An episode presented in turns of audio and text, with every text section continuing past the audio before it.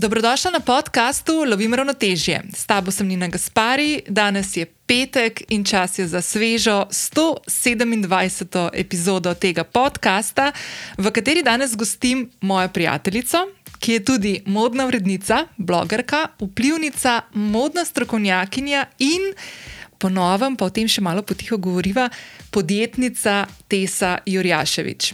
V tej epizodi, v katero se Tesa vrača že drugič, bila je tudi namreč gostja v 41. epizodi tega podcasta, ki smo jo posneli nadaljavo poleti 2020, se med drugim pogovarjava o trenutnih največjih izzivih, strahovih, tesnobi, ki jih občuti v tem obdobju in občutkih, ki jih ima tik pred svojo okroglo rojstnodnevno obletnico, ki jo je praznovala v začetku tega tedna, če to epizodo poslušaš v realnem času.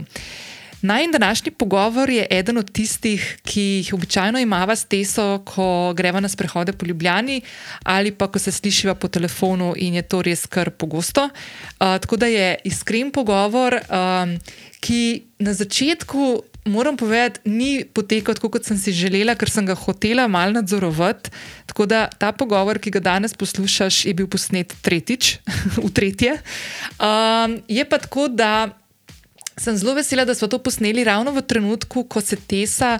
Uh, uh, podaja na novo podjetniško pot, v nove podjetniške izzive, in lahko tako v realnem času slišiš, s kakšnimi strahovi in tudi, seveda, izzivi se v tem trenutku sooča, ko postavlja to novo svojo podjetniško zgodbo, za katero verjamem, da bo v kratkem prišla še enkrat in jo bo tudi predstavila, ker se mi zdi tako res tako fajn, mislim, genialna se mi zdi, ful sem vesela, da nekaj takega prihaja tudi k nam uh, in da jim bo predvsem uh, razveselila verjetno marsikatero poslušalko, ker bo to zadeva, ki jo Tesa pripravlja s kolegico, je dejansko namenjena ženskam.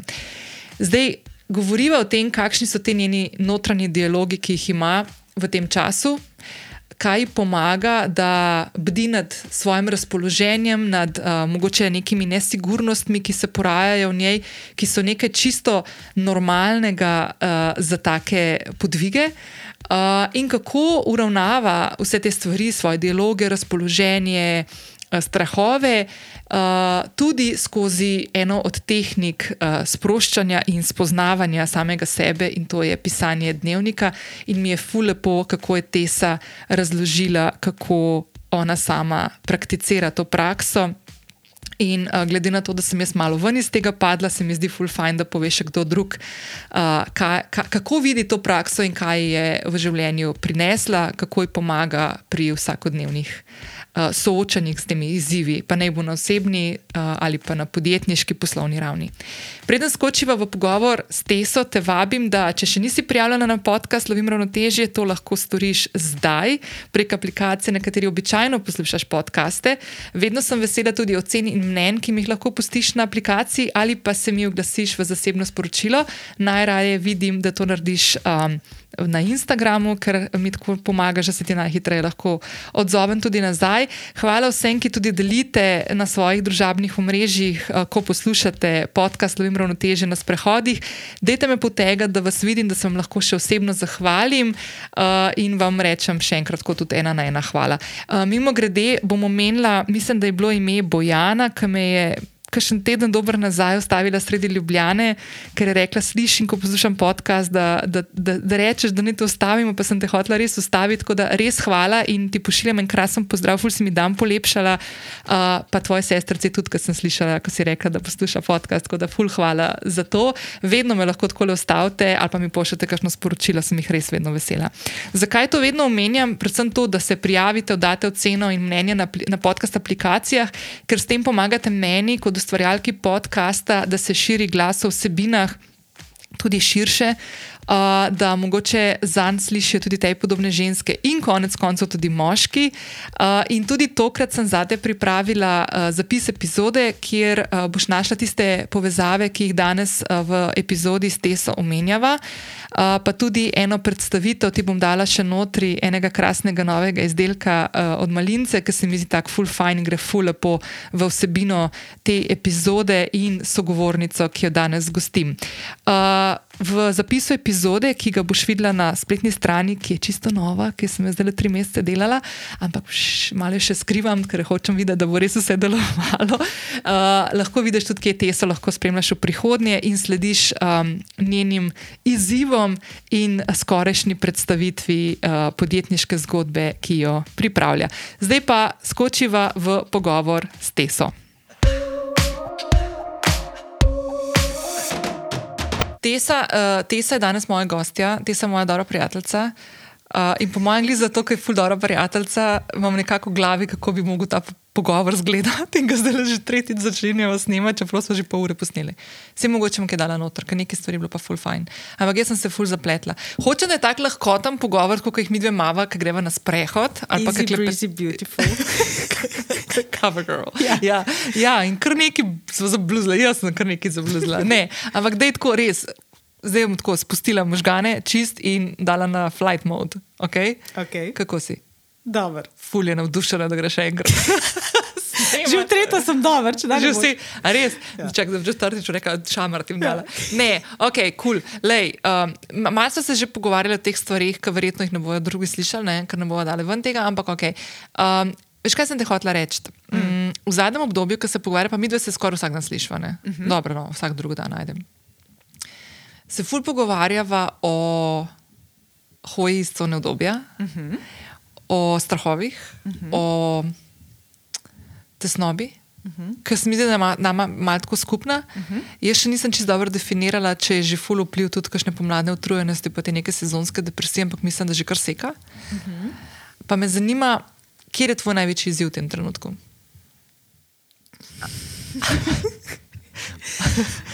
To je Življenje, easy- življenje na splošno.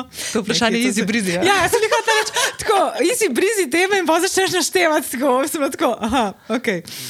Um, moj največji izziv v tem trenutku je, ok, ja, mislim, sej ti veš, da trenutno je zelo intenzivno obdobje v mojem življenju Ja. in je točno to, kar ti zdaj govoriš, se pravi, da sem vsa svoja področja, bi skoraj rekla, v življenju, zdaj trenutno, trenutno vrgla iz cone obdobja. Tako da eh, se mi zdi, da težko definiram, kaj je največji izziv, eh, ker so povsod se uh, odpirajo novi izzivi. Ampak ja, no, mogoče osrednja stvar je sigurno to, da se loteva mene nove zadeve, um, ki je v bistvu, ja, seveda, Podjetniške zgodbe. v podjetniške bistvu. zgodbe. Ja. Tako, o kateri zdaj sicer ne, detajle ne v bova detajle šla, ne ja. bova šli. Lahko pa rečem sam, da je v bistvu um, nekaj čist drugega, uh, da ni povezan z modo, kar v bistvu jaz počnem zadnjih 12 let. Ampak mi je to super um, zanimivo in se pravim, ja, zelo velik izziv. Ej, ki si ti prišla v goste poleti 2020 in so tako le snemali na daljavo prek računalnika, so se ful pogovarjali o modi, uh -huh. ful so se pogovarjali o, o tem, kako se staviti svojo omaro, da bo trajnostna in s trajnostnimi kosi in da bo trajnostno, da ne kupuješ stvari, ki jih ne drugače ne rabiš. No, so tako da bom polinkala, to je 41. epizoda. Uh -huh. In jaz se spomnim, takrat smo se pogovarjali. Um, Ene dobrega pol leta potem, ko sem te srečala nekje v centru Ljubljane, uh -huh. v tistem bivšem svetu, ki je bil pretep, naprimer, zelo tako determiniran s stvarmi, ki so se v modnem svetu na globalni ravni dogajali uh -huh. skozi leta. Ne, Ja. yeah. pravi, sezone, predstavitve, modni tedni v modnih prestolnicah, New Yorku in tako naprej. In mislim, da je bilo ravno januar, uh -huh. ko smo se srečali, ne če se spomniš, mislim, da ne vem, v centru nekje pred eno trgovino. In si bila, po mojem, bil glih New Yorkski teden mode, takrat še ta zadnji pred COVID-om, februar 2020, in ti si bila tako, meni se tok ne da iti, tok se mi ne da iti. No, zdaj me pa zanima, dve leti kasneje, ne, ko si že bila na parih modnih ted, uh, tednih, zdaj, ki so se odvijali v zadnje pol leta. a ne, Um, kako zdaj izgleda ta zadeva? Si še vedno tako, uh, a, a ti je kul, cool, da greš, ne? Uh, ali, ali, ali, ali je tako malo, da spet malo se ti zdi mogoče, da se ti ponavljajo kakšne te rutine? Mislim, zdaj, če, če bi bila moja mama tle zraven, a ne, bi bila tako. Uh, če ne boš zdaj povedala po pravici, ne, ker je po mojem dobil vsakič en dan preden, ker sem že cela spakirana, pa vse dobil un klic, ne, joj, mami, moram res zdaj iti jutri na avion. Tako zdaj so. Moji so tega že navajeni, tako da se sploh ne, rekla, da sploh ne ganejo več takih klicev. Jaz pa tudi v bistvu teh občutkov preseb. Ampak bom tako rekla. Um, Jaz sem res že precej časa v tem modnem svetu in tudi vse te modni tedni in tako naprej. Uh, so, se pravi, jaz to že ne vem, koliko let, jaz to obiskujem in hodam. In se mi zdi, da sem zdaj vsem postala precej, precej bolj selektivna Aha. In začela precej bolj poslušati samo sebe. Ker jaz sem imela prej zelo to tendenco, da sem se dokazovala za začetek sama sebi, um, seveda. Ne bom lagala tudi vsem okolj, Normalno. koliko sem jaz superwoman in kako jaz. Kako je šlo na vse Na stvari. vse, in da jaz pa ne vem, cel februar, cel september dobesedno živim na avionu in ne, letam iz, ene, mislim, iz enega mesta v drugega, iz ene revije na drugo. No, zdaj. mm, Ne, ne, ne. več. Ne več. In tudi, ko, ko pridem, recimo, še vedno sem šla na modne tedne, tudi ne na vse. Recimo, mm. New York sem letos spustila, Milano sem spustila, ki je bil mm -hmm. ponavadi uh, tako. Ti Sploh ful, ni ne? bilo vprašanja, gremo ali ne. In sem šla dejansko samo v Pariz in to zato, ker. Sem v bistvu zdaj ugotovila, da dejansko je pariška, pariški dizajner, pariška moda je tista, ki je meni v resnici najbližji. Tisto, kar je meni res, um, tam, kjer je res moja strast um, in tam, kjer se jaz tudi najbolj počutim. In um, sem enostavno tudi na tem področju začela postavljati malo meje. Ful dobro. Ja. Ful dobro. A pa se ti zdi, da, zdaj, da ti je to pomagalo tudi ta, ta del vmes, ki sta bili leto pa pol ne izgubljeni, ampak pač, da se res te stvari niso tako odvijale, da si, takrat, da si zdaj tako naredila, ali misliš, da bi do tega prišla tudi sicer? Um, ne, sigurno je imel COVID, oziroma to, ko smo bili doma, pa v bistvu, Fashion Weekov ni bilo, je imel sigurno en ta vpliv, uh, zaradi tega, ker je modna industrija ugotovila, v bistvu, da se da precej stvari speljati online in da ni take potrebe, ne, da eh, sedimo vsi tam mm -hmm. v istem prostoru in gledamo te revije. Mislim, ne me narobe razumeti, to je meni še zmeri po vseh teh letih, ko sediš na tisti reviji, to je za me en tak čist poseben in specialen občutek, um, ki ga nobena vizualna oziroma ja, online predstavitev ti ga ne more dati. Uh, ampak ja, se mi zdi, da. Te, se pravi, ta čas, ne, COVID-a, ko smo se, se mi zdi, vsi mečken umirili in um, smo se vsi mečken bolj obrnili sami vase, malo, ja, spremenijo se ti prioritete. Uh -huh. Mečken drugače začneš gledati na se in um, tudi v bistvu, če neš že, že v osnove, no, v smislu uh -huh. svoje zdravje, um, kako se ti počutiš. Ker, mislim, kakorkoli se pravim, jaz sem bila superwoman v narekovajih, ampak tisti en mesec, to je bila v bistvu taka izčrpanost, da sem se jaz, po moje, en mesec po tistem potem poberala od Pa- vsega tega. ne. Ja, in zdaj vem, da to enostavno ni več vredno. E, ampak to si zdaj ful dobro izpostavlja, ker jaz, naprimer, ker nimam tega momenta kot ti, imam, imam pač druge in pri meni, naprimer, v prejšnjem, mi smeš tako v prejšnjem življenju. Ja, past life. pred, pred COVID-om, jaz sem bila tako ful, ful sem imela rada gužvo, med ljudmi sem bila rada. Um, ful, sicer v zadnj, zadnjem obdobju, no, rečemo tako, da sem znala to reči tudi ne, ali pa se nekako zmuzniti ven iz kakšnih situacij, ki se mi zdi, da bi mi bile zguba časa, ali pa se mi ne bi dal biti v neki družbi. Ja, okay. Ampak še vedno tako. Zelo rada sem se dobila z ljudmi, zelo rada sem šla na kosilo, na kavico, na pijačo, na, na neko druženje ven zvečer. Tako ful je bilo tega. Uh -huh. In zdaj, ne, ko se, sicer okay, mi se obnašamo, kot da zdaj je vsega konc, pa v bistvu ni. Ne, ampak um, zdaj, ko se pa mal, veš, naprimer, zdaj, ko to snimava deset dni prej, gre v eter, včeraj sem bila prvič na jogi. Uh -huh. ne, Fajn. ful dobr, ful sem vesela, da sem šla, ful se veselim, da bom spet šla naslednji teden in tako naprej. Ampak, veš, tako, pa da best je bilo, ampak 12 ljudi okrog tebe, ne? ful bliz. Um, ne vem, a ti imaš kakšen tak, veš, tako, ful mi je noro, mi je tako, ali pa zadnjič, ko sva bila v Berlinu, a veš, pa tam greš ful na te javni promet, ki ga jaz drugače ne uporabljam, mm -hmm. v Ljubljani, Ja, ker ja, grem, ja. grem peš v center, zdaj bom s kolesom začela ali pa grem z avtom. A veš, nimam tega občutka, da sediš v nekih zaprtih prostorih, ker greš na pot ali greš v službo ali kar koli. Vse se to mm -hmm. glupo sliši zdaj, ampak pač delam od doma, nimam teh stvari. Ja.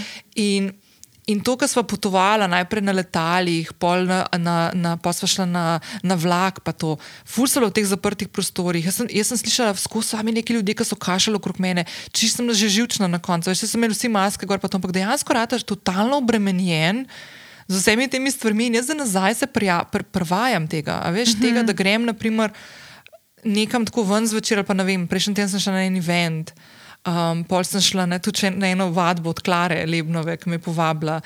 Uh, pa sem na full vesela, pa sem se full veselila. Ampak veš, tisto vmes, ki se tako zelo tam, ki razmišljam. Oši, oh, upam, da so vsi zdravi okrog mene. Uh -huh. Ej, to mi je grozno, to, vem, da sem tako paranoična na moment. Mislim, ne tako paranoična, da ne bi šla. Uh -huh. Ampak ne morem se znebiti teh občutkov.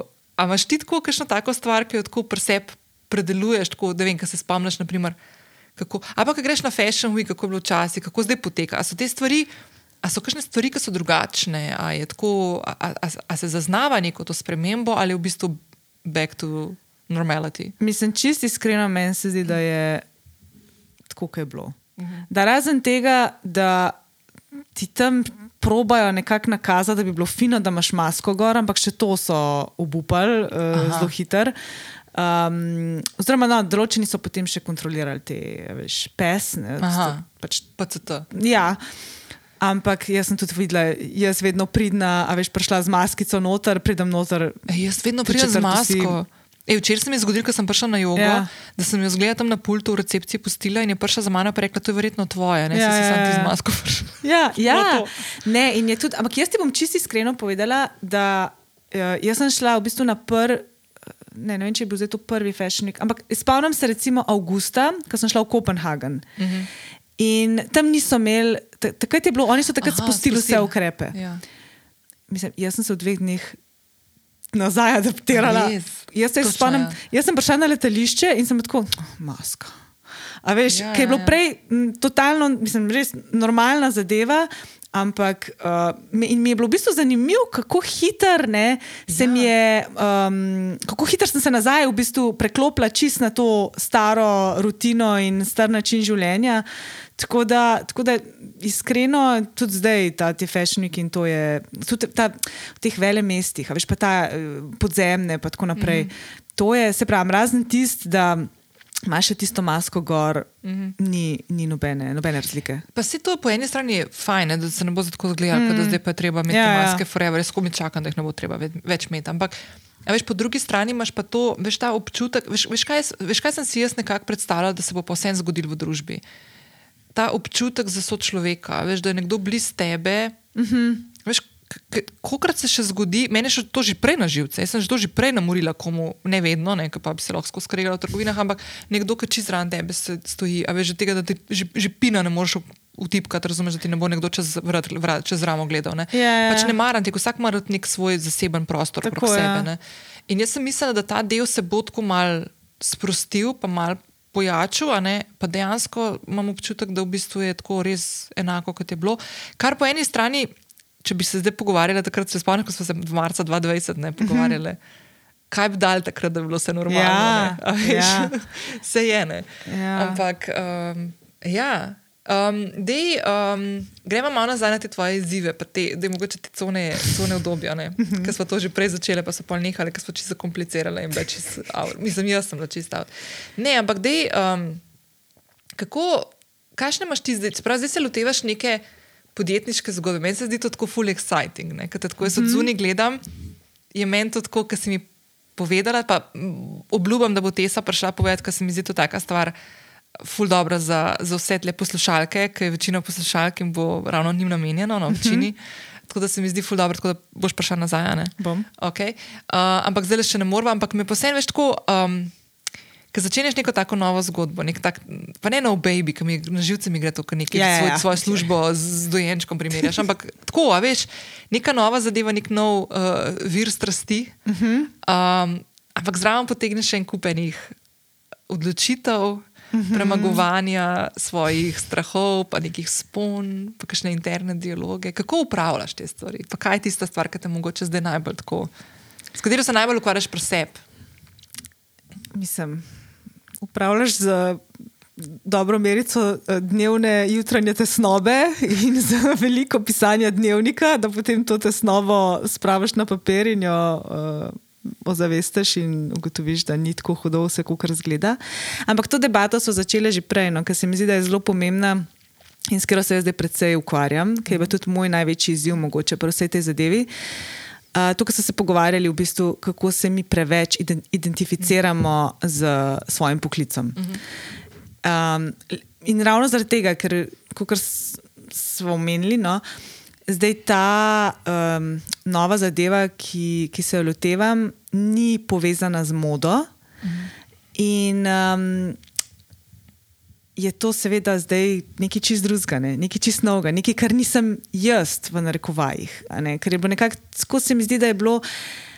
Jaz sem imela pričakovanja od sama sebe, pa seveda jaz sem mislila ali pa predvidevala, da ima tudi okolica pričakovanja, da bo mogoče moj naslednji korak ne, lahko nek nov biznis, ampak da bo seveda vse to znotraj tega modnega področja. Mhm. Tako da. Um, Ja, je bilo to, ali pa je za me to še vedno, ne bom lagala, mečken izziv. Ali pa imaš občutek, da moš pojasnjevati tistim ljudem, ki jim poveš, kaj se lotevaš, da moš pojasnjevati. Zakaj, ne, ali kako ne, jaz prišla? mislim, da, da ni, ampak da moram bolj sama pri sebi uh -huh. uh, ene stvari. A sem pripravljena mogoče neke stvari tudi spustiti, uh -huh. um, preusmeriti svoj fokus mogoče na nekaj drugega. Um, veš, kaj imaš ti en, kaj mislim, kaj imaš ti, se pravi, 12 ali še več let, ki se ti skozi ukvarjaš z eno zadevo, to res postane tvoje življenje. Uh mhm. -huh. In imaš zdaj kar občutek, mislim, pa, kdo sem jaz brez tega. Uh mhm. -huh. Ampak hkrati pa, tako kot smo tudi prej debatirali. No, uh mhm. -huh. Nobene, nobene prav, da, da moraš ti preklopiti to zdaj ne, iz ene stvari na drugo. Um, in je v bistvu res to, no, da nismo. Um, Ogledam, da nismo vsi uh, ukalupljeni no, v, te, v, v neka prepričanja o tem, kdo smo, na podlagi tega, kar počnemo. Ej, ampak to je ena stvar, ki sem jaz imela isto, isto zadevo in, by the way, večkrat v življenju. Jaz sem sicer delala naprimer, na področju PR-a, odnosov z mediji, skoraj 16 let. Od tega sem delala nekaj časa v podjetju sem na PR-ovka, potem sem šla v agencijo in potem sem šla na samostojno podjetniško pot, kjer sem to storitev svojim naročnikom dajala. In vsakič, ko sem ta preko, preklop naredila, pa je bilo znotraj stroke, znotraj tega polja strokovnosti, uh mhm. -huh. sem imela te občutke, ki jih imaš ti zdaj. Uh mhm. -huh. In zdaj, ko sem pa ta del spustila in jaz sem ga začela spuščati tri leta nazaj. Že prej sem ga hotla, pa nisem vedela, kako pa strah me je bilo, uh -huh. pa sem predstavljala. Yeah, yeah. Pa, da jim biti brutalno iskreni, udobno mi je bilo in sem se takrat počutila boljš v tistem uh -huh. mehurčku, kot da bi šla ven. Um, zadnje tri leta to spuščam in po mojem, v letošnjem letu sem naredila pa ta zadnji klik. Mm, zelo težko vidim, da bi se tega še lotevala naprej, oziroma zelo selektivna sem, ko pridejo kakšne ponudbe, in do zdaj še ni bilo tako, da bi rekla ja -hmm. da bi šla na res kakšne strategije ali pa to delavnice, učiti ljudi, kako to delajo, ja, mm -hmm. ostalo pa ne. In sem šla v čist druge stvari. Ampak pazi to, en teden nazaj sem srečala kolegico novinarko, mm -hmm. eno urednico enega slovenskega medija. In ki me je vprašala, kako sem, sem točno to imela v glavi, kako ne zdaj jaz njej, ki se z njo, veči, vse, kar sem se vedno pogovarjala, so bile te stvari, veš, PR, pač, mislim, yeah, yeah, yeah. stroka, ona novinarka, jaz PR, ko na drugi strani so se te stvari tako pogovarjali. Kako ne jaz zdaj njej razložim, kva hudiča počnemo v življenju? A veš, ne? Yeah, yeah, yeah, yeah. In pol je še ena druga stvar, ki ti bom pa tako zelo po pravici zdaj povedala, ki se po mojem, to mi dve se tako pogovarjava večkrat. Ampak. Mislim, da je tole odličen čas, da v ta del pogovora s Teso umestim še en mečken informacij uh, o eni zadevi, ki se nanaša na to, kar se zdaj s Teso pogovarjava in o čemer se bomo pogovarjali še po koncu tega kratkega sporočilca, medklica. Um, namreč, kakšna dva tedna nazaj sem bila po dolgem, dolgem, dolgem času spet na enem dogodku in ta dogodek je organiziralo podjetje Malinca, ki je tudi podpornik podcasta Lovim ravnotežje. In točno na tem dogodku sem po dolgem času srečala eno od kolegic urednic, uh, Simono iz revije Marketing Magazine. Hej, Simona, če tole poslušaš. In ker se dolgo časa nismo videli in smo se malo zaklepetali. Uh, me je vprašala, seveda, tudi, hej, Nina, kaj pa ti, kaj zdaj počneš? No, in točno, točno te občutke in samo opazovanje sem imela vmes, ko sem se z njo pogovarjala. Uh, je pa podjetje Malinca na tem dogodku predstavljalo svoj čisto novi izdelek in sicer serum C15 Booster. Uh, gre za antioksidantni serum za obraz z naprednim vitaminom C, ki so ga razvili v sodelovanju s priznano znamko kozmetike AdActives. Anti-age njega obraza s tem novim serumom C15 Booster je primerna za vse tipe kože, blagodejno pa vpliva na drobne linije in gubice, na hiperpigmentacijo in neenakomeren ten kože. Novi malinčin serum je primeren za vegane, ne vsebuje vode in je narejen na oljni osnovi, ne vsebuje emulgatorjev, konzervancov in umetnih dišav, ima pa en tak res lep, nežen, prijeten von naravne vanilije. Izdelek vsebuje tudi napredni vitamin C, ki ga pri svojih negah obraza in kože uporabljajo ženske in moški na Japonskem in v Južni Koreji, ki obe slovita za področje sveta, kjer je nega kože resnično na neki čist drugi ravni. Uh, novi serum C15 Booster lahko uporabljaš zjutraj in zvečer po svoji običajni negi obraza. Uh, če skočiš na link, ki ti ga dajem v zapis epizode in te bo vodil v malinčino spletno trgovino, lahko ob zaključku nakupa dodaš še kodo ravnotežje 10 in dobiš 10 odstotni popust.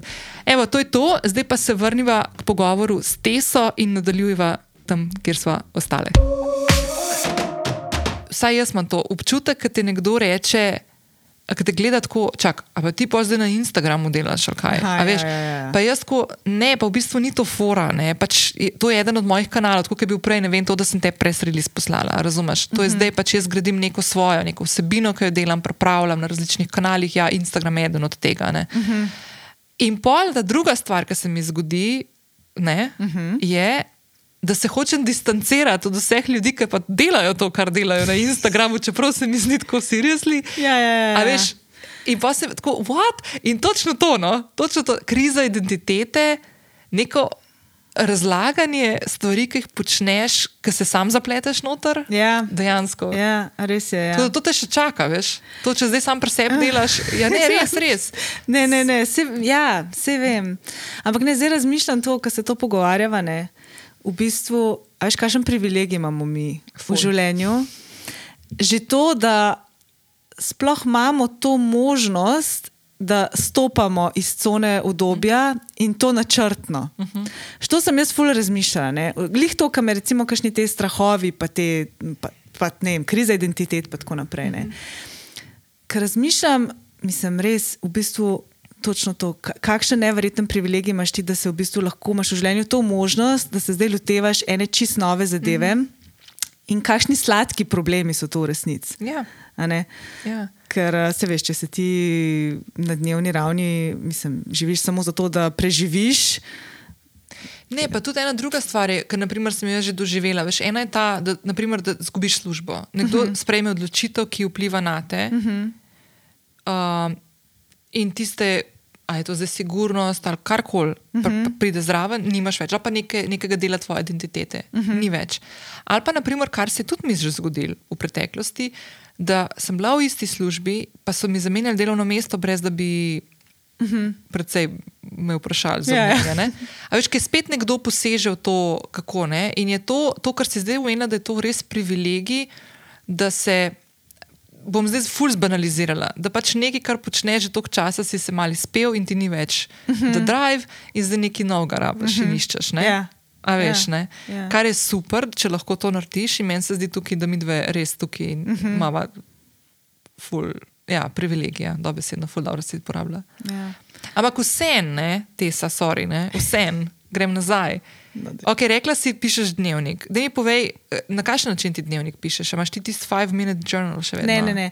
Uh, imam tudi 5-minute journal, ampak ga zdaj v bistvu že nekaj časa, zdaj si me spomnila. Kje je, po mojem, pod poslo, zato ga pa ne vidim. Na eni točki ga odnese pod poslo. Um, ne, jaz imam v bistvu journ, uh, dnevnik, navaden zvezek Aha. in dejansko pišem svoje misli, svoje občutke. Zato, ker jaz sem predvsej v svoji glavi in um, overtinkam, mm -hmm. ne sploh imamo mi slovenski izraz za to. Ja, da se zaciklaš nekaj v svojem misli. Ja, zaciklaš ja, v svoje ja. misli. In tako se jaz razpletem, razpletem te svoje misli, ta nek, uh, ali pa presekam mogoče uh, en ta miselni veš, proces, v katerega sem se ujela, ker se mi zdi, da enkrat to vidim črno na belem, zgubi ta, uh, Ja. te misli izgubijo to moč, ali pa postanejo mečkam bolj um, jasne, malo bolj strukturirane in se la, lažje potem lotim tega problema. Tako da jaz pišem čist, pišem svoje občutke. Oziroma, pišem svoje misli. Je bilo pa full hecen, um, ker recimo se spomnim, ko sem se začela tega, uh, mislim, ko sem začela pisati dnevnik. t- Po, sigurno si imela ti tudi ta isti problem, ker najprej full paziš, kako pišeš. zdaj vprašati. A veš, kaj tako? Ja. Ker, valjda, mislim, imaš v glavi imaš to, veš, kot da bo en bral to za Ja. ja. tabo. ne, In Ja. ja. ful paziš, kako se izražaš, in da ne Ja. ja. boš čuden ne. Ja, ja, ja. In je ful hecen, ker se na eni točki, mislim, in to delaš nekaj časa, ne, in pol na eni točki si tako. "Pa Zakaj? Mislim, ko, kaj, kdo bo pa to bral? Ja. Ja. Kvečemu jaz za nazaj, kar je meni recimo ful pomagalo. Zato, ker pa Ja. ja. tudi opažam, kako se recimo v iste uh, vzorce ali pa v iste cikle Zapletaš, ne? zapletam nazaj. Mhm. In pol prav vem, kdaj je bilo sem imela podobno obdobje, in grem nazaj in malo preberem, kaj sem takrat razmišljala. In pa ugotavljam, ali sem zdaj mogoče šla vsaj kakšno stopničko naprej v tem zapletanju, ne, uh, ali sem še zmeri tam. In ne, dajmo zdaj pospešiti ta proces. To sem te hodila vprašati, ker sem jaz zdaj pred kratkim spet po kar nekem času šla pisati dnevnik, ker sem malo ven iz te rutine padla. In se spomnim, da sem točno to imela. Točno to, ošit, oh, kaj če je to brok za mano. Zakaj sem to tako grdo napisala, neke čičke čačke, le to ne bo noben Ja, ja, mogel ja, prebrati. ja. A veš to? Ja, ja, ja. Ampak po, to je ena stvar, druga stvar je pa ta, ok, sej so določeni dnevniki, ki so pol dejansko bili napisani tudi zato, da se izdajo. Ne? A Veš, Mhm. jaz ful časa že poslušam o teh kocbekovih dnevnikih. Pa vem, zdaj mislim, da kakšno leto ali dve nazaj je Matthew McConaughey dal ven knjigo, ki je svoje dnevnike Ja, objavil. ja, Veš, ja. Jaz le veš pri takih stvarih, če sem zelo iskrena, ne? kada gre ena neka taka hollywoodska zvezda, ki ti Matthew McConaughey izdati svoj dnevnik, jaz to začnem tako. Ne, ne da dvomam, ampak to je mogel biti tako prefiltriran. ne. Ja. Da če je res on to pisal od svojega ne vem, 18 leta naprej. Majkic, ne, ker mm. kaj je vse v mojem dnevniku. Jaz, meni včasih, ko ga odprem, skoraj jaz skočila, kam pa se skrije. Ja. se mi zdi tako, kaj. Ja, seveda. Kar je point tega, ne? Ker Točno dejansko je to. to point. Ne? Točno to. In ja, zdaj se pravim, jaz ne bi hotela, da je, da je moj dnevnik uh, objavljen. In jaz mislim, da če ga pišeš na prav način, pa nočeš, da je objavljeno. Tako ja. bom rekla. Ja, ja, odvisno. Mislim, se, če ga pišeš zato, da delaš neke te, a veš. Um, Ja, mogoče neke refleksije ali pa Ja. ja. nekaj tako, to je še, ampak. Ne vem, mislim, dnevnik je meni osebno res ena taka, taka zadeva, da res lahko vse, iz, točno kar rečeš, izliješ na papir. ne. Ja. No, ja, jaz Ja. ja. res tam dam vse na papir. ne, ampak kaj mi je- več. ampak kaj mi je ful zanimivo. Naprimer, predstavljaj si. Ker zdaj glih v dnevniku govori, to sem tudi zadnjič razmišljala. Tako, enkrat sem se, veš, se spotko zelo tako, kaj kuham, ali pa kaj pa začela tako nebulozo razmišljati. Predstavljaj si, da si naprimer kraljica Elizabeta II, ki bo zdaj počasi predala prestol verjetno svojemu sinu, kako mi čaka že verjetno. Mm -hmm. In vse te kraljice pišejo dnevnike, ne, oziroma imajo neke te stvari. Ne, in ponovadi te stvari pridejo ven. Ne, uh -huh. A veš, pač ona ve, da bo določene stvari prišle. Zdaj me zanima, a ona piše dva dnevnika, ne? a ona piše enega unga, ki ga pol nekdo zažge. Ja. Ali ona piše, Sigurno. Mislim, če je full into, mislim, če je full v tem pisanju dnevnika, pol ima sigurno še kakšnega privat. a ne, no? Ja, Ne, to, ja, ali pa pač ne dela tega. Ne? ja, ja pa. Ne, tudi predstavljaj si, da si tako človek, se tudi ne moreš nekam iti na nek terapijo ali pa nič takega. Mislim, ne moreš, pač težko, ne. Mm, A veš. ja, sem res. Dobro smo zašle. Ja. Ne, da veš, kaj mi povej. Uh, zdaj le, ta snemava tole. Ne? A ti veš, da je to tako malo bilo tudi strateško načrtovano, to, da bomo danes posneli to Ne. pogovor. Ker namreč ta teden, ko pride ven uh, podcast, uh -huh. se je nekaj zgodilo. Ne? Joj, ne. Kako škoda, da te nisem zdaj posnela. Ne, zdaj ti res lahko že rečem vse najboljše. Oj. Ker bo že za nazaj, ampak ti v bistvu, Ja. zdaj, ko te sedimo, Zdaj še mi ne želim. Ja, zdaj mi še ne smeš, da nam bo za jinxal. Ampak te sem imela rojsten dan, par dni nazaj, tako da lahko bošte na Instagramu lahko pišete, mm -hmm. pa je čestitati rojsten dan. Mm -hmm. uh, jaz ne bom zdaj čestitala, da bom pol. Ampak uh, ja, kako se počutiš, ker uh, alo poveva, koliko boš stara. Ja, Ja, si že objavljaš, no? Ja, ja. No, no da povej. Ja, zdaj sem zaključila s svojimi 20, zdaj uradno. Tako da sem se pridružila klubu 30. Ker jaz nisem noter več, Ja. sam tok. Tako da ja, letos je, imam jaz mojo okroglo, ja, Bravo. 30. -ko. In kakšni so občutki? Ker te bom pol vprašala naslednji teden, pa čez en mesec, pa čez en let. A veš, zakaj te to sprašujem, Tesa? Zato, ker, no, da povej najprej ti. Ne, povej mi, zakaj me sprašuješ. Ker jaz sem imela full šok pri 30. Ok, no pa v redu, pa smo tam. A imaš? Ja, ful. A res? Um, meni je to ful zanimivo, zato ker um, jaz sem skozi mislila, da, mislim, da meni pač leta so leta. Ja, veš, da- veze, še en let. Ja.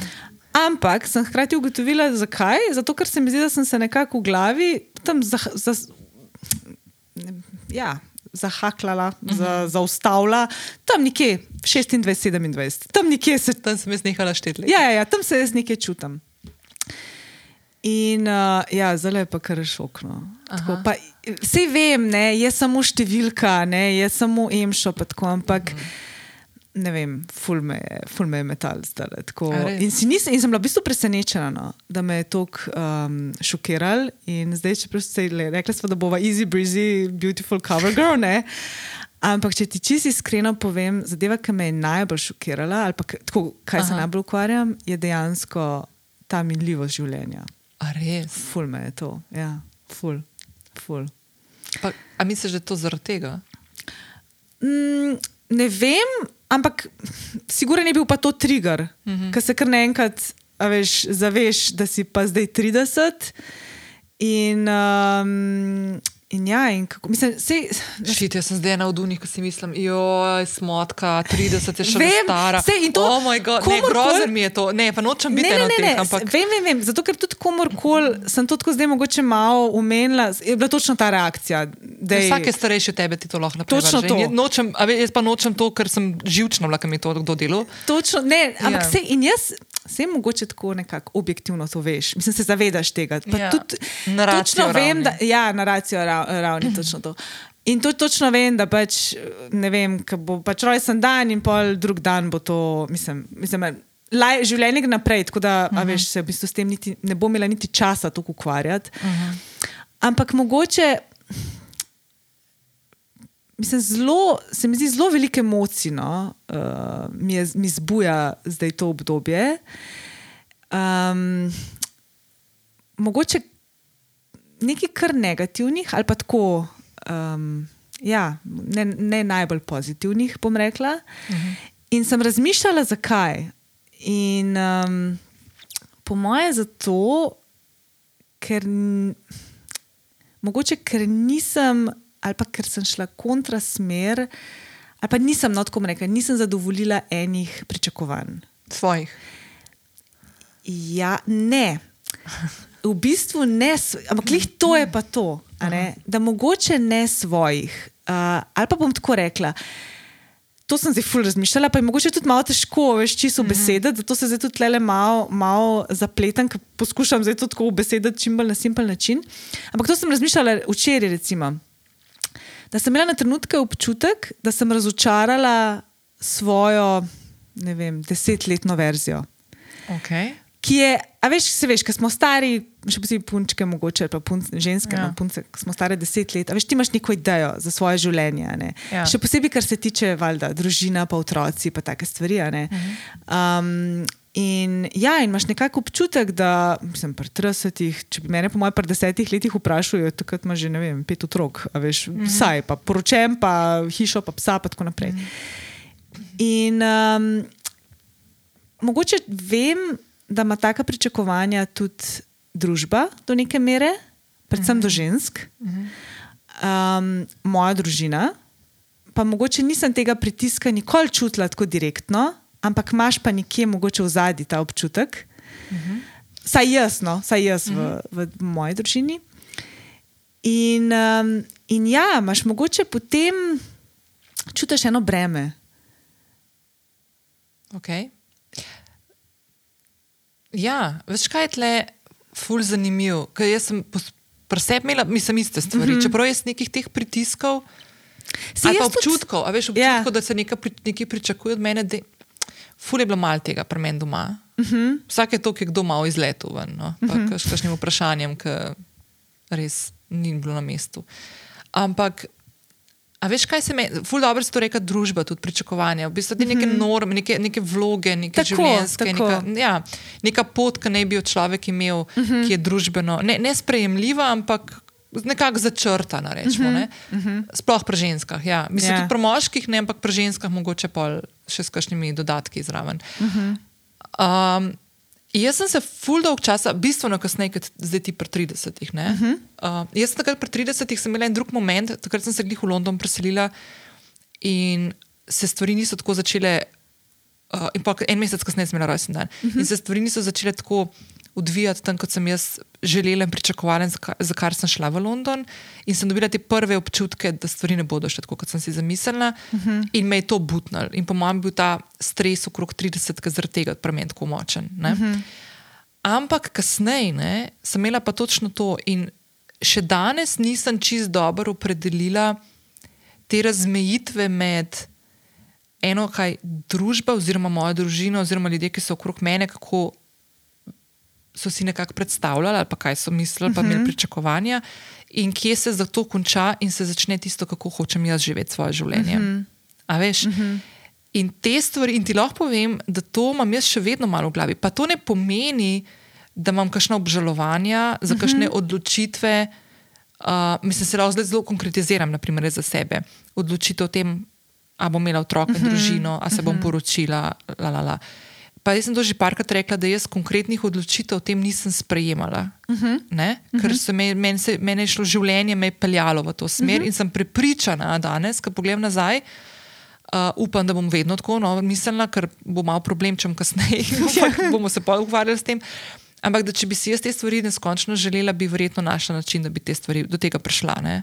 Ja. Um, tako da, ampak te razmejitve, veš, kje se konča, če sem zelo brutalno iskrena, kje se zaključi neka ta družbena socializacijska norma in moja neka stvar, ker konec koncev smo produkti družbe, Točno to. je pa ne znam določiti. In jaz mislim, da jo sploh ne moramo. Ne. Točno zaradi tega, ker dokler smo bili vzgojeni in živimo v družbi, v kateri živimo, enostavno te, te jasne meje sam pr, že sam pri sebi ne moreš uh, Mm. postaviti. Ja. Ne, ne, težko jo je. No? Ja. Težko, ali, pa, ali pa celo bi se skoraj znala strinjati s tem, kar si rekla, da se jo ne da. Ne? Mm. Pa malo, mogoče malo tudi fluidna. Ne? Veš, kot tudi prej si rekla, da se stvari spreminjajo. Mm -hmm. A veš, jaz, jaz ko se spomnim sebe pred 30, pa sebe zdaj, mm -hmm. je to druga oseba. Mm -hmm. A veš? Ja, No, in tudi, pa ne samo druga oseba, ki gleda sebe drugače, svoje uh -huh. mesto v družbi drugače, in tako, da se ukvarja z drugimi stvarmi, konec koncev, uh -huh. ampak tudi um, čist na nivoju tega, kakšne so moje želje, pa pričakovanja od sebe, od življenja, uh -huh. od ljudi, ki me obdajajo, je to nekaj čist drugega. Uh -huh. A veš, ne? Ja, jaz sem videla že pri sebi, po mojem, v zadnjem letu, dveh letih, kako se mi spreminja, um, spreminjajo neke ideje ali oseb o življenju na splošno, ki sem jih imela. Tako da sem po svoje, v bistvu se zelo veselim, oziroma ne po svoje, zelo se veselim. Kam bo to šlo, v katero smer in kako se bo življenje razpletlo, ampak ja, v tem trenutku je pa malo, malo je tako. Uh. Ne, dobe. ne, se to je ful, mislim, meni se zdi to ful take. Človeške, pa ful, ful dobre, do, do, mislim, dobre stvari za razmišljati. A veš, Mm, ja. Ker si ti noter v tem, pa ki te obremenjuje, ne, mm -hmm. to Mhm. si misliš, da oh, lahko se čim prej konča, pa bo nekaj drugega. Veš, pa to. je pa ena stvar, še to, kar si omenila, ne, da se zdaj lotevaš um, ene nove zgodbe. Mm Mhm. -hmm. Meni se zdi to ful dobra stvar, da se ti zdaj odvija. Ker imaš neko, veš, imaš nek. Nek fokus, pa, pa ne samo fokus, zato da, da, da preskočiš te misli, da jih nekam drugam odpeleš, ker ni tu fora, da pa se sam izogibaš, pa bo prišle za tabo. Ja, ne. ja. Ampak da imaš neko, a veš, neko to strukturo v življenju in neko pot, po kateri hočeš iti, in se na to osredotočiš, zato ker je to nekaj, kar si se sama odločila. Uh Mhm. -huh. In se mi zdi to ful dobro pri takih razmišljanjih, da ti to lahko tudi pomaga. Ker če tega Sigurno. nimaš, če se počutiš izgubljenega, tako kot sem se jaz takrat pri 30-ih, tam sredi Londona, oh moj bog, klenard bom šla. Mm, a veš, ja. Uh, mi je bilo tako. Uh, po mojem, zaradi tega sem jaz takrat tudi tisto brezno padla noter, ker mm. sem pol mogla, pa sem pa zbežala, ne? pa sem mm. šla nazaj domov, ne, Ja. besedno. Sigurno, sigurno. Ne, meni se zdi tako, veš, mi imamo v življenju, imaš pač par teh ključnih področji, ki so vem, odnosi, uh, potem služba, družina in tako naprej. In ni zelo, zelo redko, ali p- mislim, jaz iskreno ne vem, če poznam koga, ki mu v nekem trenutku čisto vse štima. Ali pa imaš mogoče res, kakšne, to so zelo, zelo, zelo kratka obdobja v življenju, ki pa res ne. Vsa področja nekako eh, so totalno zbalansirana in da vse štima in je vse super, super, super. Tako da, um, tako da je sigurno vedno eno področje malo trpi, vedno eno področje, ki je malo bolj občutljivo, ampak to je točno tako, kot si rekla. Ne? Super, da potem takrat imaš fokus mogoče na neki drugi stvari, oziroma se opiraš potem na tisto področje, ki pa v tistem trenutku je najboljš. a ne. Ni nujno, da je dober, ampak samo da je najboljš. Ker tudi imamo podobja, ki pa čist nič ne štima. Ja, ja, ja. To je, jaz sem imela lansko leto, recimo, veš, imaš občutek, da se ti svet sesuje. Ne? In Sploh ne veš, sploh, ne, in potem iščeš tiste bilke, kam bi se lahko, ampak točno to, probaš najti potem tisto področje, ki je v tisti hudi situaciji najboljš, se na tist preklopiš in potem počasi gradiš ostale stvari. E, veš, kako je zanimivo, ker se spomnim lani poleti, ko smo se ful veliko pogovarjali, ker sem imela to obdobje. Ne? Uh Mhm. -huh. Pa ne bova zdaj govorila, kaj se je dogajalo, ampak to, vsak od nas je imel v življenju obdobje, ko imaš občutek, da vse stvari grejo na robe. Da ne vidiš nobene neke, neke luči ali pa nekih priložnosti ali pa nekih bilk, da se potegneš ven iz tega. Uh -huh. In pol ne, um, pogledaš nazaj, ne, zdaj pol leta kasneje. Uh -huh.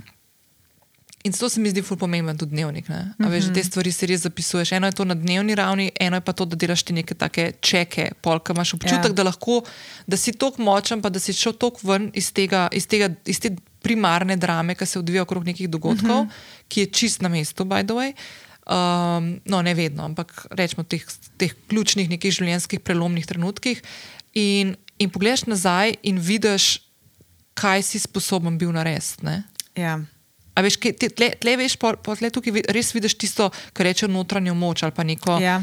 um, ali pa neko ono prekleto. Uh, z, a veš, ki trmaraš, ne, da greš čez. Ne. Ja, Koliko ja, ti to ja. v bistvu lahko pride prav ne, v takih primerih. Ja. In veš, kaj je bila v meni v bistvu najbolj nora izkušnja, ki se mi je zgodila lani? Ker jaz res, mislim, sej neki. Malo, malo sem tudi delila, no, na, mislim, recimo, sem imela pač, pa zdravstveno sem imela težave, uh -huh. potem na osebnem, uh, družina. Mislim, tako, res, se pravi, vsa področja so se, so, lani je bilo res eno tako zelo pestro leto. -huh.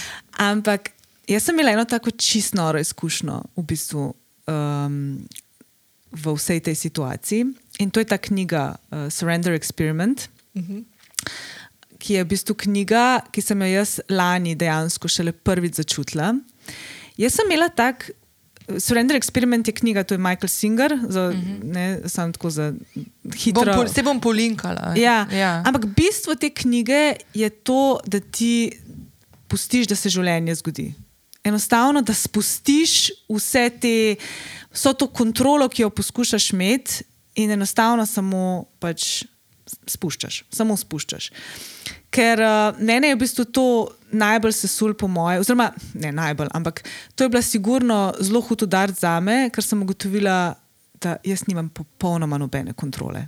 Mhm. Ampak res, dejansko, da, da res na čisto nobenem področju, še tiskaj imaš mogoče občutek, da lahko sebe kontroliraš, pa potem vem, na zdravstvenem področju je totalen šok, pa ne, cel kaos. Takrat jaz sem imela v bistvu, kako bi ti to rekla, en tak občutek, da sem se malo sesedla, uh mhm. -huh. ampak v tistem sem se pa v bistvu osvobodila. Uh mhm. -huh. In sem se osvobodila te kontrole, in jaz sem imela eno, to zdaj bo zelo malo, ko se sliši. Ful, ful mi je zanimivo to, pa ful, bom, ful se lahko identificiram. Ja, in jaz sem imela, jaz sem imela občutek, en, eno obdobje, da gledam življenje svoje kot en film. Mhm. Veš, postavila sem se ven. Jaz mislim, da je to tudi malo zaščita ega, ja. Ne, da ti v bistvu malo stopiš ven, ker enostavno ne moreš handlati vsega, -huh. uh, oziroma ne moreš, uh, prosti za te anglizme. Um. Ja, ne, ne, ne, ne moreš se ja, soočiti z vsem tako. Ampak meni bo ta feeling tako dober. Mhm. -huh. In v bistvu zdaj, ne, ko, so, ko sem se nekako vse stvari malo zbalansirala nazaj, v bistvu si želim, da bi lahko včasih stopila nazaj v to, oziroma, se, oziroma stremim k temu, da bi se na trenutke postavila izven vsega tega in dejansko spus, spet spuščala stvari in pustila, da se stvari odvijajo. Kako pa ti gre pri tem? Ja, težko. Težko. težko. Uh, Lik zaradi tega, ker se pravim, ta, ta občutek po kontroli te bremza pri vseh teh zadevah. A pa se ti zdi, da si ta, ta, ta kontrol frikovski moment, ki ga imaš, to, ta, to potrebo po nadzorovanju, uh mhm. -huh. A je zmanjšana, odkar si imela te izkušnje lansko leto, ali se vračaš nazaj na vzorce? Um, iskreno mislim, da se precej vračam na stare vzorce, mm. ampak z zavedanjem. Da, de, da skačeš v zadnje. Da skačem v stare vzorce. No, jaz sem isto. Ja, ja, isto tako, da, jaz se tako ful zavedam, kakšne stvari tako prav. Ki gremo teč, že ne vem, kjer krog. Ja, ja, ja, ja. Jaz tako mislim, spet si tle. Spet ja, tle. Ja, ja, ja. Ampak, ja, ampak vem pa, da grem to in si znam tako. Tudi, ne, sem, veš, ta, mogoče ta čustvena raven jo znam malo bolj utišati uh mhm. -huh. in jo razumsko nadomestiti nek razumski del, zakaj se to zdaj dogaja, zakaj tako ja. reagiram na te stvari. Uh mhm, -huh, točno to. Kar se mi zdi ful lep napredek, ampak je pa še ta stvar, da, da si res želim tudi ta čustveni del, kot to veš. Naprimer, to, jaz sem zadnjič, se sem razlagala, zadnjič ne se mi je zgodilo to, da sem um, nisem mogla spati. Bila uh -huh. sem mhm. pri mojemu doma in nisem mogla spati celo noč, mislim, ne celo noč, pač ne tri ure sem tam gledala v luft. In kako kljub foto moram povedati. In kaj se zgodi? Jaz imam tudi, knjig, jaz imam tudi dnevnik ne? in meni bi ful dobro takrat dnevnik prišel, če bi ga imela vse, mm -hmm. pa sem ga imela doma. Ne? In nisem več kaj narediti. In sem tako bila, valjda, ful bilo dobro, če bi zdaj ostala, pa šla dnevnik napisati, pa bi se ful umirila in šla lahko spat nazaj. Mm -hmm. Tako sem pa tam ležala v prepričanju, da sem čist tiha in da nobenega ne motim, ker Miha se pa ful hitro zbudi. Mm -hmm. In sem valjda sem ga zbudila. No? In pa sem mu pač povedala, zjutraj, da jaz v takih primerih, kot se zgodi, grem dnevnik pisati. Uh mhm. -huh. Ampak ga nisem imela samo. In pa pridem naslednjič k njemu in mi tako pokaže knjigico, ki je tam zvezek, oh. reče le tlema in v kuhinji tako pokaže, da je tukaj. Če boš rabila, tam le so svinčniki, tukaj, če boš zdaj rabila, lahko reš pa ta, to je zate. Tako lepo. Oh, ja. No, ok, nisem. Hodila sem nekaj drugega povedati. Ampak ja, da začneš se tako res. Uh, okay, prvo, če pišeš dnevnik, res lahko vidiš te, te uh, nihanja, nihanja ja. pa, pa tudi te vzorce začneš mhm. prepoznavati. Uh -huh. Druga stvar je pa, kot smo se prej pogovarjali, kdaj se začnejo tvoje pričakovanja, kdaj so družbena. Tudi tle, po mojem, neke te zelo jasne meje med tem, kaj je na neki čustveni ravni te vodi v, neki, uh mhm. -huh. v, nekem, v neki situaciji in kdaj stopi razumski del. Uh mhm. -huh. je, je tudi tako. Poleg tega, ne, da ta razumski del lahko upravljamo. Oziroma, ki se enkrat začneš zavedati, lahko s tem upravljaš. Uh mhm. -huh. Čustvenega pa ful teži, zato ker je ponavadi povezan s enim kupom enih stvari, ki jih vlečemo že iz pamti veka sabo. Uh -huh. Uh -huh. uh, Pa iz otroštva in vzgoje in situacije, ki so se tudi na nezavedni ravni nam dogajale, ali pa so se nam zgodile, pa smo jih potlačili in tako naprej. Mm. In tle je tako pulenih stvari, ja, ki ne moreš. Ne. Seveda. Ampak ja, Kaj bomo še povedali, kaj imaš še kaj tasga za povedati? Pomlad se začenja, skaj pomladno utrujena že? Um, ja, ne vem, mogoče. ne, a veš kaj? Ti bom čisto iskreno povedala, da to je pa ena stvar, ki me je začela malo nervirati. Uh, v smislu, lihta pomladanska utrujenost. Uh, ful opažam, in to, to je recimo ena stvar, ki jo jaz ne želim več delati, uh -huh. kriviti zunanje neke faktorje za svoje počutje.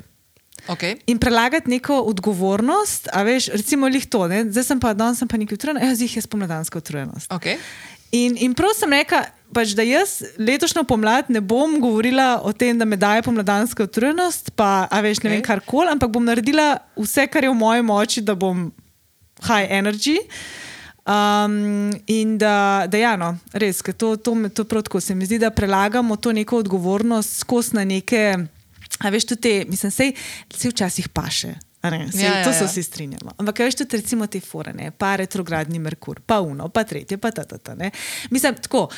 Ne, da sem jaz zdaj tle čist, a veš, anti vse to, kar se veš, da se mi dve Se zato pogovarjava. se zdaj misliš, da se več Ne. bomo mogli teh stvari pogovarjati. Ne, ne, ne, ne, ne, ne, valjda pa tudi tako je. Jaz, mislim, jaz, lej, ta prva bom, ki bom rekla, Luna, mislim, če kaj vpliva, saj na, lej, na ženske, po mojem, še toliko bolj. Mm. Pač Luna, lej, je, vsi vidimo, smo vsi malo zblojeni, ne? če posebej, Ja. yeah. so te fulmočne lune. Jaz tudi vidim, jaz, toč, jaz pa ne rabim pogledati, da je polna luna, ker točno vidim, ker jaz ne na polno luno, ampak en dan prej Ja, jaz tudi. Ja. ne spim noč. Ali imam pa najbolj tako bizarne sanje, tako Ja. yeah. uno, tako kva. Ampak sem res rekla, da tako, da. Ne boš dala fokus na to. ne bom dala fokus Ja, ja, na to in da bom res izhajala iz sebe. Uh -huh. V smislu, da bo moje dobro počutje, a veš, pogojeno z mano. Okay. A Veš, kaj hočem povedati? Ja, ja, ja. Ne? Se pravi, da ne, ne krivim ne nekih zunanjih faktorjev. Um, ali pa mogoče, če grem še eno, eno stopničko naprej, ne, da ne na svoje trenutno stanje, pa na svoje trenutno počutje, ne pustim, da vplivajo ali pretekli dogodki, ali pa potencijalni dogodki, na katere projiciram svoje strahove. Mm -hmm. Tako da to je zdaj No, fokus. okay. ja, ne, super. Super, ampak mislim, da ta prvi del, ki smo ga začeli snemati, smo ga začeli. A veš, kje smo ga začeli, ali to drugega se več ne vem. Ne vem, zdaj, kjer ga je. Ne, veš, kaj zdaj razmišljam? Kaj? Da v bistvu se, se z vsem se načeloma strinjam. Edino, kar je, ne, kar je zdaj v zadnjem času, oziroma veš, kdo mi je to dal, to istočnico, mi je takrat enkrat poleti, ko smo bili na večerji, um, mi je dala um, Renata Salec, ali ta filozofinja slovenska, uh -huh. ki je kraljica totalna. Veš, ta občutek, uh, ki nam ga družba v bistvu daje, ne, uh -huh. da smo odgovorni sami zase, kar se strinjam. Uh -huh. se strinjam. Um, je ogromno enih stvari, ki se okrog tebe odvijajo, na katere nimaš vpliva, uh -huh. pa vseeno vplivajo na te. Uh -huh. A veš, ne? Uh -huh. In, naprimer, pri meni v tem trenutku, zato sem si jaz zdaj mogoče malo spustila in dovolila, včasih tudi na račun svojega dobrega počutja ali pa dobrega spanca, kar ni ok, uh -huh. se zavedam.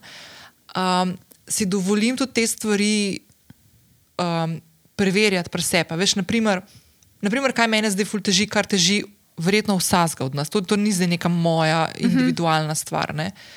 Ampak prepleteni smo, poleg tega, da po dveh letih končno malo prihajamo ven iz te drame, ki smo imeli, uh -huh. padamo v neko novo gro, neko situacijo, ja, ki ja, noben ja, ne ve, ja, kaj bo. ja, ja. Um, druga stvar je, da imamo, če samo nas gledaš, pa naš otoček Slovenije, en kup enih stvari, ki se na dnevni ravni zdaj odvijajo. Mi dve dajemo to ven dva tedna pred volitvami. Uh -huh.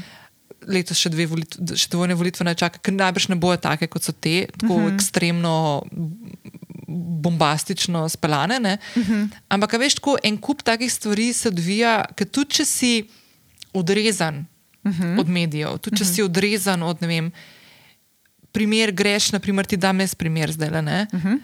da grem tle po moji soseski med bloki v Šiški, v Ljubljani, pa naprimer vidim poster vladajoče stranke, ki ima spodaj napisano, kakšne rezultate je vlada naredila v letošnjem letu in mi dvigne pritisk. Gled, uh -huh. A veš, Ja. meni, naprimer, Ja, se ne da ja, ja, za ja, ja. ne. In se mi zdi tako, what the fuck. Ne? Ja. Um, tako da, ja, tle, tle mi je tako malo, jaz, jaz Ne. tukaj preveč pustim se. Vse vem, kaj si hotela povedati, ampak. Um, Meni se zdi, da ne, eh, tukaj, um, ja, da, da, mislim, sigurno je pač toliko enih uh, zunanjih uh, vplivov, ki jih imamo -huh. vsak dan, vsako uro, vsak, ki se ti stvari, ki se ti dogajajo, na kjer ne moreš vplivati. In um, jaz tudi tako, jaz. Jaz nekako res, jaz mislim, da se pač vsak, za vsakega posameznika življenje odvija Ja. po nekih, tako kot se more. No? Pač Ja. manj, vsak ima začrtano neko pot. In da se, da se enostavno, da se stvari dogajajo. Mislim, da je to bo zdaj tako fulklišejsko, pa tako malo, moče že spiritualno, ampak veš, da se stvari se dogajajo z nekim razlogom in da smo vsak pride z neko svojo zgodbo sem mm. in ta zgodba se odvija. Ampak jaz mogoče sem tle hotla bolj na to, kakšno je trenutno moje uh, momentalno uh, počutje oziroma stanje. Mm. Ne, da se jaz lahko v vsakem trenutku odločam, ali bom dobre volje, ali bom pa polna strahov, a ne, a veš, depresivna. Pa, lej, to je zdaj, seveda. To ne pomeni, da to ne pride. Ne? Ex, ja, točno ja, ja, to. Ja, a ne, ja, in ja. valjda, ko pride en zelo, zelo močen zunanji um, vpliv ali nek zunanji faktor, ki te vrže iz tega ravnotežja. Aha. Ding, ding, Uh, ding. ding, ding, ding. Um, seveda, ne, ali pa se zgodi neka zelo huda zadeva, ali pa tudi mogoče ne tako huda, ampak samo, ker tudi je tako, se veš, tudi ženske, še posebej. Ženske nismo narejene čistko kot moški, pa tudi, tudi mož, moških ni za podcenjevati, ampak mi imamo res to neko svojo cikličnost in ti enostavno ni vsak dan, ne moreš biti stoprocentno. Identična, kot si bila en dan prej ali pa en teden prej. In, z, in tukaj zelo, zelo veliko stvari vpliva na nas, od zunaj in od znotraj. Mm. Ampak se mi zdi, da če imaš pa mogoče ta nek mali reminder oziroma to upozorilo v glavi, da se pa ti v bistvu vsakeč znova lahko odločiš, kakšne volje si v tistem trenutku, mm.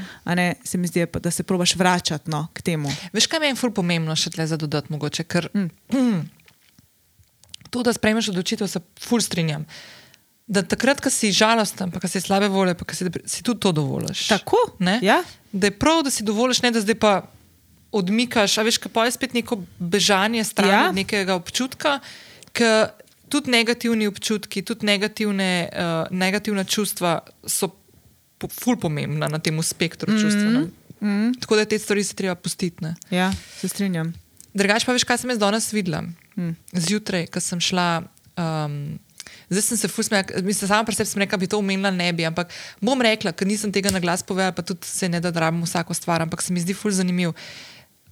Ta podcast je meni pripeljal en kup enih ljudi, zanimivih v moje življenje, na katere se lahko tako le, ker se kakšna stvar zgodi nepredvidljivo v življenju in malo naslonem, pa jih vprašam še za dodatno, kar še na svet. Ne. In ravno to ne. Um, se mi zdi pa ta cikl, pa to ne. Ful mi je smešen, ker mislim, da ne vem, kakšen mesec nazaj sem imela Ellison, uh -huh. uh, kogoj, ki smo govorili o menstru menstruaciji in menstrualnem ciklu, uh -huh. o katerem čist premalo vemo, ženske, jaz na čelu. In jaz se ne bom pozabila tega, se to sem s tabo tudi govorila post-festom. Ne? Uh -huh. ne bom pozabila tega, ker sem mi rekla, da jaz nikoli nisem imela nobenih težav s tem, da vedno sem imela regularno, uno, to, to, to. Ja. Yeah. Glej ga zlomka, a ne. Glej ga zlomka, ne. So ti-. Ja, ne vem, kva se je zgodilo. A sem začinksala ali kar koli, v glavnem zgodilo se mi je to, da imam zdaj že v bistvu v enem mesecu ta tretjič v bistvu menstruacijo. ne.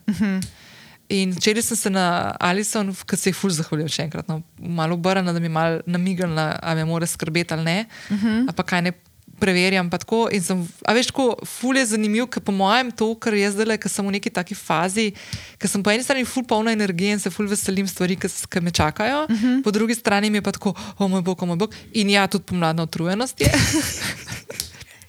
Ampak je pa fora, no? ampak zdaj, da te navežem, kaj sem danes videla. Ker ravno eden od stvari, zakaj sem danes se zgodaj zjutraj peljala tam mimo, ki ti bom zdaj povedala, ker sem šla v laboratorij dati kri, sem se pol nazaj grede peljala po isti poti, ker tja grede nisem pogledala.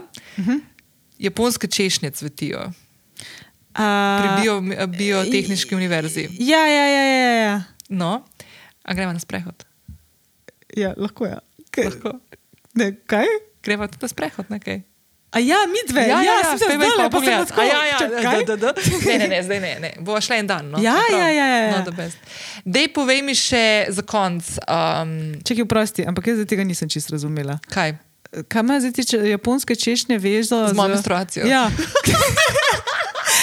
Bila tako, čakaj, kaj? A nisem naredila tega povezave. Danes sem šla v laboratorij po tej poti, Ja, mimo sem ja. se pelala. In ko sem šla tja, sem pozabila pogledati. In pa sem pred laboratorijem, aha, nisem povedala tega. Pred laboratorijem sem videla eno magnolijo, fulepa sem si mislila. Wow, mogoče pa že vne češnje cvetijo. Zakaj nisem prej pogledala tam, ko sem se jim pelala? In pa sem šla še enkrat nazaj v laboratorij, sem šla med drugim tudi zaradi tega, da grem pogledat, kakšne imam, imam osebnosti v krvi. Med drugim tudi, da vidim, če se mogoče kakšna stvar mi pada, pa zaradi tega, da imam okej. Wow, Wow. Dobro si me zdaj. Ja, ja, no to. Aha. Jaz, jaz sem bila bolj pri tem, veš, da ti cvetiš, narava cveti. sem pa to ni šlo čisto. svetu non-stop Ja, yeah. ja. zgleda, zdaj tako permanentno. No, ampak v glavnem. Ne, ampak se mi zdi tako ful pomembno take stvari tako povedati. Ful, ful mi je zanimivo. Veš, kot ko neko tako temo odpreš, se začneš pogovarjati, si prepričan, da to tebi se ne dogaja, pa se ti to zgodi in tako, mm. kaj zdaj? Ja, ja, ja. No, glavnem, spet se vrneš v takih situacijah na to, da uh, koga poznaš, na koga se lahko obrneš. Poklicati zdravnico, vprašati, uh -huh. ful spraševati. Zdaj sem dobila že ne parkrat tako v zadnjem obdobju fulejnih sporočil, še vedno tako vezanih na HPV, večinoma. No? Uh -huh. um, Ker se ful pojavljajo ena in ista vprašanja, ki mi vedno kažejo na to, da jaz ne vem, ti naši zdravniki ne skomunicirajo stvari s pacijentkami, ali me ne slišimo, ali ne znamo vprašati. Ali, mislim, jaz sem prepričana, da bi mogli te stvari, tako, te osnovne stvari, da bi mogla ženska pri svoji zdravnici slišati. In ker mene stvari, ki me sprašujejo, je meni tako čist včasih tako, kva? Kako, kako tega, a veš, uh -huh. se je zdaj vprašanje, a, a je bilo to povedano, pa ni bilo razumljeno, ker to je pač, uh -huh, tudi to, to je del tega, da pač vsak od nas se more. Tako kot ti mene zdaj postavlja, kva da fakt je to si zdaj rekla. Ne? A veš, da pač rečeš, le ne razumem. Ne, ne, ne, kulje, ne razumem tega, mi lahko še enkrat razložite. ne. Ja. Um, ja, in pola veš to, da pač postavljamo vprašanja. Ne? Ampak to je, to je po moje splošni problem. A Veš, ja. Ta problem uh, avtoritete, ki jo imajo zdravniki, oziroma kako se reče ta sindrom bele halje, kako Aha, rečejo. ja, ja. A veš, se mi zdi, da, da, da je nasplošno, da se, da se sploh ne upamo pre, v takih situacijah, a veš, preveč vprašati, ali pa da ne bi izpadel, a veš, usilil. Imaš tako nekako imaš občutek, da, da se ti bojo oni že dali vse informacije, ampak ti jih ne. ne. Ja. Jaz sem to lani videla, ker sem imela zdravstvene težave.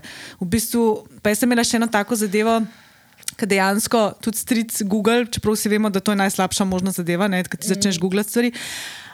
To je bilo v bistvu za me ful dobro, ker o tej moji zadevi um, v bistvu ni praktično bilo informacij, skoraj oziroma tako par člankov, da sem jaz približno vedela, v kaj se spuščam.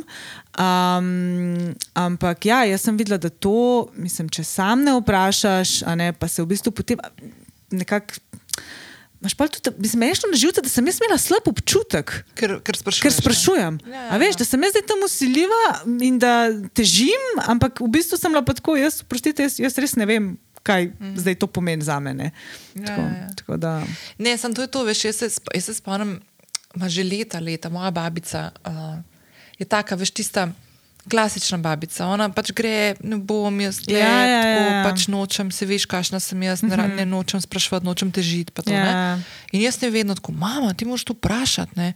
Oni ti morajo to povedati, ti, ko greš zdravnici, oni ti morajo to povedati. veš. In sem tako fuli, in ona tako vedno meni, tako, ja, pa ni, veš, vi mlajši ste tako, ne, in sem tako vedno čiživčna. Ne. No, in pa se spomnim, ko se meni ta HPV zgodi, zdaj bo to štiri leta od tega. Ne. ja. In ko sem bila jaz tam pri zdravnici, in ko sem prišla na dan tistega posega, in ko je bilo tako čist čuden, tri četrt stvari nisem vedela, kaj bi mogla prej narediti, nisem vedela, da bi mogla tam ustati, nisem vedela, da bom pod splošno anestezijo, veš, nič tega mm -hmm. mi ni bilo rečeno. In tam so me gledali, pa napis, dobesedno napizdevali. Ne? In jaz sem na tih, ne. Mm -hmm. A veš, in, mm -hmm. in nemočna, in, in nisem Ja. mogla vprašati tega. Ja. In sem se sam tistega spomnila, koliko zba pametna za druge. Ne? Ja, ja. A veš, in ja, jaz ja. štekam, da imaš ta občutek, jaz štekam to. Ne. Uh, je pa po drugi strani tudi to, ne, da ja, ko greš nazaj, ne, veš, greš nazaj, vprašaš to, to pa to. Uh Mhm. -huh. veš, ampak, ma ne vem, sej, zdaj smo spet nekam zabluzili. Ampak tako frustrirajo me take stvari, zato ker ne morem razumeti, ne morem razumeti da, da se take stvari dogajajo okrog nas. Še ena stvar, veš, ko se to, to mislim, se to zdaj malo bom izletela. Gli smo začela z Mihatom gledati eno serijo tam na Netflixu, čisto da vidva, kako je narejena, pa neki tabu, ne vem, če si gledala. Ne, jaz sem zdaj zbinčala Bridgerton. A? Bridgerton. Aha, ok. okay. No, ampak ta tabu je pa tako neki Tom Hardy igra, ki je tako Oh, dober. Ja. dober. Uh, na Netflixu je mm, drugače od BBC-ja serija. Mislim, jaz se še nisem glih odločila, mi je kul ali mi ni. Ampak mislim, da sem slišala že par pohval na to serijo. Da, Meni druga, drugačne niso mi fajn te neke, veš, ko so neke pošastki tam prihajajo. Ja, Ja, ja. ja. meni je to tako, kvane. Pač, Ja, ja, meni ja, ja, ja, ja, ja. sci- jaz to vržem v science fiction, Ja, ja, ja, Star ja, Wars, pa te ja. scene, to pač meni. Ja. Ne, ne. Ampak ok, v redu, pač ni tako zelo nabildano na tem. Uh Mhm. -huh. Ampak tam, naprimer, tako kaže v enem momentu, tako naprimer, poseg, ki se ga v živo dela. Uh Mhm. -huh. veš, in jaz, stvar, ki se jo spomnim, ko to gledava, ker no, ene ve zanima, tako noben ni zastrigel tam z ušesi, razen jaz, ker sem imela glih tisti dan eno sporočilo od ene moje sledilke, uh -huh. ki mi je zaradi Hapive pisala in kako, kaj ne vpraša, da če sploh ne ve, da so jo zdaj poslali s tem domov in da ta, ta, ta. In sem mislila, tako, fuk, spet ne. In mi je nazaj prišlo, ker sem jaz tako zdaj v zadnjih treh letih, odkar sem to povedala, po mojem, sem dobila malo na stotine sporočil. Mm. Tako na stotine, krajše, daljše, maile, eno stran dolge in tako naprej. Mislim, tako res ful stvari. In v pogleda v to, kaj se dogaja določenim ljudem. Uh -huh. Ki imajo isto diagnozo, kaj uh -huh. se mi je zgodilo. In uh -huh. pa ugotovim, da v bistvu to, kar se mi je zgodilo, v bistvu niti ni tako zelo grozen. Uh -huh. Med drugim, in to se mes spomnim, pol med vikendom, ko gledam ta, to serijo, ko gledam ta prizor, da se mi je zdaj že par žensk oglasil, da so v zadnjih letih, govorimo o Sloveniji, članici Evropske unije, v 21. stoletju, uh, da se mi je zgodilo, da so na živo delali poseg. Hmm. Ali, ali da jim ni prijela anestezija Oh, ali karkoli. Ja, in jaz sem tako. Oh in jaz ta prvič, ko sem to dobila, sem si mislila, ne da ne verjameš, ampak tako mi je bilo, ne, no, Ja, ne ne, mogoče. te ni. Pa pa dobim ej, še naslednjič, pa še eno. Pa mislim, da je bilo ene, možno, da je bilo ene, tri ali pa štiri so bile zihar. In jaz sem bila tako, sp- sploh ne morem, sp- sploh ne dojemam. A veš, in, in, in te take stvari mene tako, ma ne vem, no, raz, razpištoljajo, je ful. A veš, res me razpištoljajo. Tako da Res, ja. tle padam pol, veš, v to, kar smo se mi tudi prej pogovarjali, pa ti nočem zdaj nazaj metati, kao, ne, da ne, ne razmišljaš prav. Čist prav razmišljaš, korektno razmišljaš, ampak tle, koliko imaš ti kontrole nad stvarmi. pa se ti pa taki momenti tako zgodijo v življenju normalno. Uh -huh. ne, Valjda ti v vsakem trenutku se lahko odločiš, ali se boš dobro počutil ali slabo, ali boš pustil ta občutke, ali boš pustil te občutke. Mm. Ampak pol je pa toliko stvari v življenju, ki se ti dogajajo. Mm -hmm. Ker se znajdeš na nekem mestu, v nekem času, v nekem trenutku in naletiš ali na človeka, ki je totalno empatičen, ali na neko fakapse, ki se zgodi, nesreča, okrižiš se vse. Ali pa greš enostavno k enemu mesarju na mizo. ja, ja, ne. A veš, ne? Vem. Noro. No? In pa tudi veš, ena stvar, ki se tako dogaja. Hm, kam sem zdaj zašla, ampak dobro, nima veze, še to moram dati ven. Zdaj le, k, jaz sem tako itak fangirlam 8. marec inštitut, ne? Ker mi je ful všeč, da izpostavljajo točno take stvari, da se dogajajo in da izpostavljajo te zgodbe. Ja, ne. ja. Ful mi je dober, ker oni konstantno dajo ven to kampanjo, nisem prijavila. Zakaj, zakaj ženske, tudi moški, uh -huh. ampak prioritetno ženske, zakaj ne prijavijo nasilja, uh -huh. fizičnega, mentalnega, verbalnega, uh -huh. posilstev, uh -huh. spolnih napadov in tako naprej. In vidiš te zgodbe in si misliš, tako, fakt ne morem verjeti. Od tega, da se jim v bolnicah zgodijo, da jih uh -huh ja osebje, Ja, ja. ne, maltretira tam. To jaz poznam v družini ljudi, ki se mi je to zgodilo. A Veš, to so Mhm. stvari, ki se. In se mi zdi, da tudi zaradi tega, veš, se res ne pogovarjam. Saj Jaz se sploh ne znam postaviti v situacijo, da bi se meni to zgodilo. Ne? Kaj bi naredila? Verjetno bi tudi. Tako kot sem za bi bila eno leto tiho. Ne? Eno leto sem predelovala ja. preseb stvari. Ja, vse to je, to je A veš. problem. Ja. A Veš, zraven pride tudi fulenga sramu. Ful, pa stigme, pa obsojanja, Tako. pa, pa še to, da pol dajo žrtev v vlogo, da, da vse, od ja. da, se, da se laže do vseh drugih Ja, stvari. ne. ja. Ja, ja. Ja, ja. Ne, tako noro se mi zdi. No. Tako da, ja, uh, nisem hotela tako zaključiti, malo me je odneslo, ampak sva se odločili, da gremo na sprehod, da gremo gledati, gledati japonske češnje. Jaz bom zdaj zaključila ta pogovor, Velja. a prav. Zmenjeno. In ti želela še enkrat vse najboljše. Hvala. V petek, bo šlo to ven. Tako. Uh, in se ful veselim jutrišnjega dne. Pa ti veš zakaj.